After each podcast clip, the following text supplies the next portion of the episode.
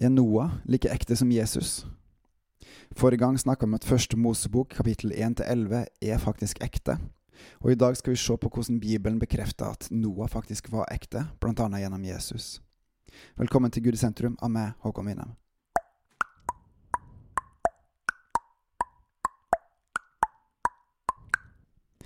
Det finnes mange forskjellige bibelsyn, men ikke alle er sanne. Det Gud sier, det er sant.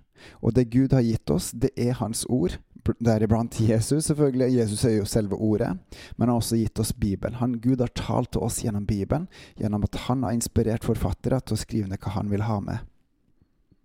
Det som gjør det vanskelig, er jo at han skriver, får jo med både ting som er helt forferdelig, som viser hva vi ikke skal gjøre, men også mye av det gode.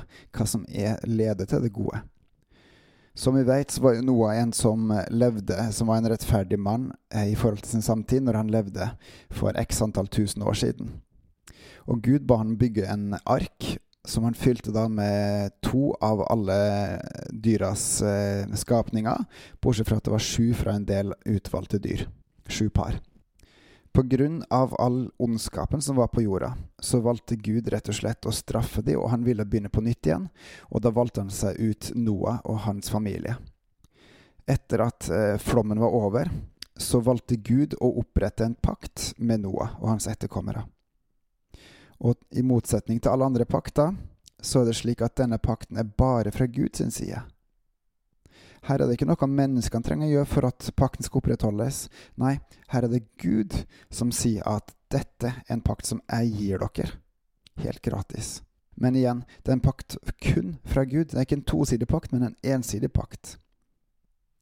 Og da står det i eh, første Mosebok 9 at Gud oppretta en pakt med, hver, eh, med, alle mennesker, med hver levende skapning som er hos dere, fuglene og fe og alle ville dyr hos dere, alt som gikk ut av arken, alle dyr på jorda. Og da sier han rett og slett at aldri mer skal alt kjøtt bli utrydda med vannflom og ødelegge jorda. Og dette er en pakt som Gud gir oss. Og hva er denne pakten? Jo, min bue har jeg satt i skyen. Den skal være tegn på en pakt mellom meg og jorda. Og det skal skje når jeg fører skya over jorda, og buen kommer til syne i skyen. Da vil jeg komme i hu min pakt mellom meg og dere og være levende skapning av alt kjøtt. Og vannet skal aldri mer bli en flom som ødelegger alt kjøtt. Når buen står i skyen, vil jeg se den og minnes den evige pakten mellom Gud og hver levende skapning, alt kjøtt som er på jorda. Og så sa Gud til nå til slutt, dette er tegnet på pakten jeg har oppretta mellom meg og alt kjøtt som er på jorda. Så her er en pakt for både alle mennesker og alle andre levende skapninger på jorda. Gud skal aldri mer på samme måte overflomme jorda. Og regnbuen, rett og slett, er den store pakten. Fra Gud til oss.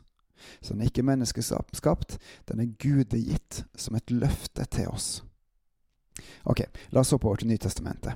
For det første, i Lukas 3 så står det om ettertavla til Jesus på slutten av kapitlet. Der står det bl.a. at Jesus han er i slekt med kong David. Der står det også bl.a. at Jesus han er etterkommer av Abraham. Abraham og Sara. Og Følger du en rekka videre, så kommer du faktisk også til at Jesus han er etterkommer av Noah. Og Noah er for så vidt også etterkommer av Lamek, eh, den forferdelige Lamek, som du kan lese mer om i første Mosebok tidlig. Eh, og videre så er også Jesus etterkommer av Adam, Guds sønn. En liten vesensforskjell mellom eh, Adam og Jesus, begge Guds sønn, er jo at Jesus, Jesu far, er Den hellige ånd. Så han ble befrukta av Den hellige ånd i Maria. Mens Adam han ble skapt av jord. Han ble skapt av jorda. Og Derfor så er jo Adam kun et menneske, mens Jesus han er både Gud og menneske. Ok, Har Jesus noe å si om Noah? Finnes det noe bevis på at Jesus i hele tatt går god for Noah? Da har du både noe kort i Lukas 17, 26-27, men litt større enn i Matteus 24, 37-41. Så la oss rett og slett hoppe til Matteus 24. Det som er greit å si før vi begynner på det, er jo at Gud han lagde en plan for jorda før den ble til. Han lagde en frelsesplan, og Gud har ikke en plan med mitt og ditt liv, men Gud har en frelsesplan hvor han ønsker at hver og en skal få lov til å komme hjem til han, de som tror. Og han vil ha med seg flest mulig. Helst alle. Men det er et krav. Du må følge Herren for å få lov til å komme hjem dit. For at vi skal få lov til å komme hjem en dag. Og Gud starta på ny her på jorda en gang med Noah, hvor han eh, renska ut alle andre som levde på jorda. Gudesønner og kjemper om, og mennesker og mer til. Eh, og ondskapen fortsetter, for ondskapen bor i oss mennesker. Vi kan velge mellom godt og ondt, sånn som vi leste forrige gang. Men når Jesus kommer tilbake, så skal han rett og slett ta et skikkelig oppgjør med alt det onde.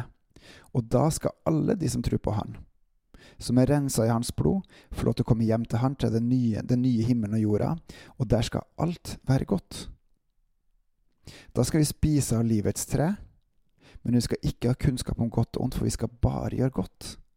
Så det blir et nytt paradis, og der, der vil jeg komme. I Matteus 24, fra 37, står det som det var i Noas dager, sier Jesus, slik skal det være når menneskesønnen kommer. Her bekrefter Jesus at Noah har skjedd.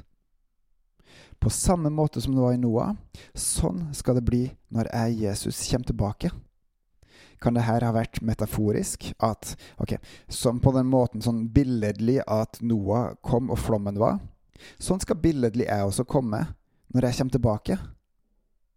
Stiller man det spørsmålet, går man den veien, så vil det bety at nei, Jesus kommer ikke tilbake, det er bare et bilde på at han kommer tilbake. Hør hvor vanskelig det blir på veien videre. For i tida før storflommen spiste og drakk dem, gifta seg og gifta bort, like til den dag da Noah gikk inn i arken, og de skjønte ingenting før flommen kom og tok dem alle. Ok, Gjengivelse av det som står i første Mosebok. Slik skal det også være når menneskesønnen kommer.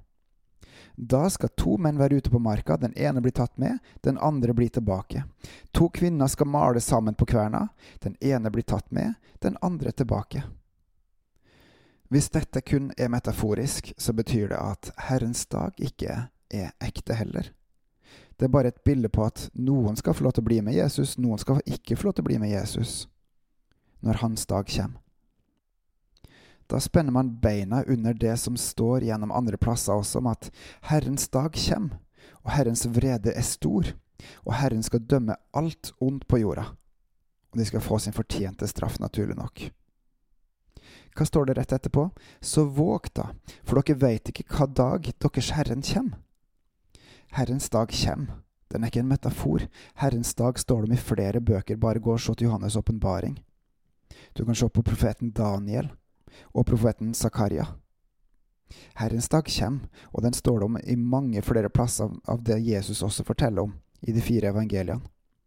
Og hadde det ikke vært for at Gud forkorter den perioden når Jesus kommer tilbake, så ville ingen ha overlevd den perioden. Stor og forferdelig er Herrens dag når han kommer tilbake. Det er ikke noe metafor. Det er rett og slett vår sjanse til å få lov til å bli med hjem til Gud. Og hvis vi skal bli med hjem til Gud, så må vi våke. De som levde på Noas tid, de våkte ikke. De bare gjorde akkurat som de sjøl ville. De spiste og drakk, de gifta seg og gifta bort like til den dagen da Noah gikk inn i arken. Nei, Herrens dag kommer, og vi må også våke på samme måte som folket burde ha vært våken og fulgt Gud på den tida, så må også vi gjøre i dag. Det nytter ikke å bare komme på den eh, Herrens dag og si 'Å, unnskyld, jeg glemte meg, jeg tabber meg ut'. Nei, våk og be, som det også står en annen plass. Vær på. Koble deg på Gud. Bruk tid med Han. Gi Han æren, gi Han fokuset ditt, gi Han oppmerksomheten din. Bruk tid med Han hver dag. Og vit at Bibelen, den er Hans sanne ord til oss. Og ønsker man å vokse med Gud, da må man spise hans daglige brød og drikke hans levende vann. Bibelen og Den hellige ånd. Bebels og på.